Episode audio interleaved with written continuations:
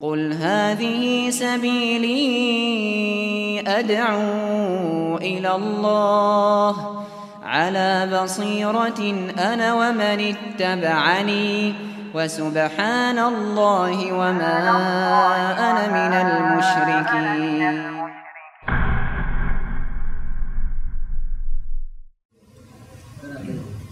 Halaman selanjutnya. Bab 43. Baca. Orang yang tidak rela bersumpah dengan nama Allah. Ibnu Umar radhiyallahu anhu menuturkan bahwa Rasulullah shallallahu alaihi wasallam bersabda, Langsung artinya. "Janganlah kalian bersumpah dengan nama leluhur kalian. Barang siapa yang bersumpah dengan nama Allah, hendaklah dia jujur. Jika ada orang bersumpah kepadanya dengan menyebut nama Allah, maka hendaknya dia rela. Barang siapa yang tidak rela, maka Allah berlepas diri darinya." Lihat Ibnu Umar radhiyallahu anhu menuturkan bahwasanya Rasulullah sallallahu alaihi wasallam itu bersabda, "La tahlifu bi abaikum." Janganlah kalian bersumpah dengan nama leluhur kalian. Dengan nama leluhur-leluhur kalian yang agung-agung. Man halafa billahi falyasduq. Namun kalau bersumpah dengan nama Allah ingatlah mesti jujur. Wa man hulifa lahu. Dan siapa yang disumpahkan padanya. Jadi ada orang lain yang bersumpah pada kita dengan nama Allah, sudah ridhoilah itu. Misalnya ini walaupun dia bohong ya. Walaupun dia bohong. Demi Allah, ini tenan ini modalnya 100 ribu. Bisa nggak penjual itu pakai demi Allah itu? Bisa. Walaupun bohong bisa nggak? Bisa, sangat-sangat bisa. Tugas kita apa kalau dengar ini? Nggak usah bahas dia itu bohong atau tidak karena dia sudah sebut nama Allah, sudah terima saja. Walaupun dibohongin setelah itu. Kenapa kita terima saja? Karena masalahnya dia bawa-bawa nama Allah. Kita agungkan dia karena dia menyebut nama Allah. Kita terima dia karena dia menyebut nama Allah. Kita tidak setuju perbuatan dia itu bohong.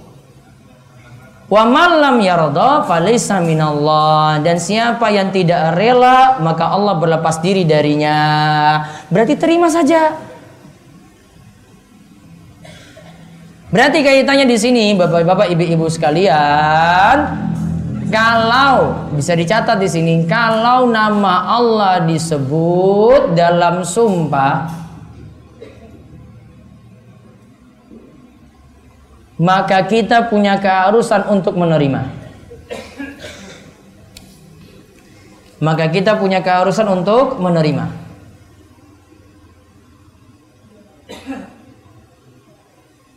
Walaupun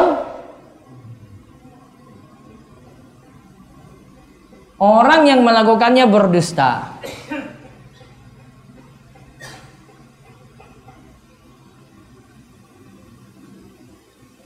Tujuan kita menerima adalah untuk mengagungkan Allah. Tujuannya kita menerima adalah untuk mengagungkan Allah. Walaupun ujung-ujungnya apa tadi? Ditipu ya. Walaupun ujungnya ditipu. Kita sudah benar kita terima. Itu sudah bentuk pengagungan pada Allah. Mengagungkan Allah berarti sudah kita menjalankan untuk menyempurnakan tauhid. Lihat yang terakhir kandungan bab. Kandungan bab 1. Larangan untuk bersumpah dengan nama leluhur. Larangan bersumpah dengan nama leluhur. Nama simbah-simbah nggak boleh. Sa kalau ini tujuannya apa? Sumpah.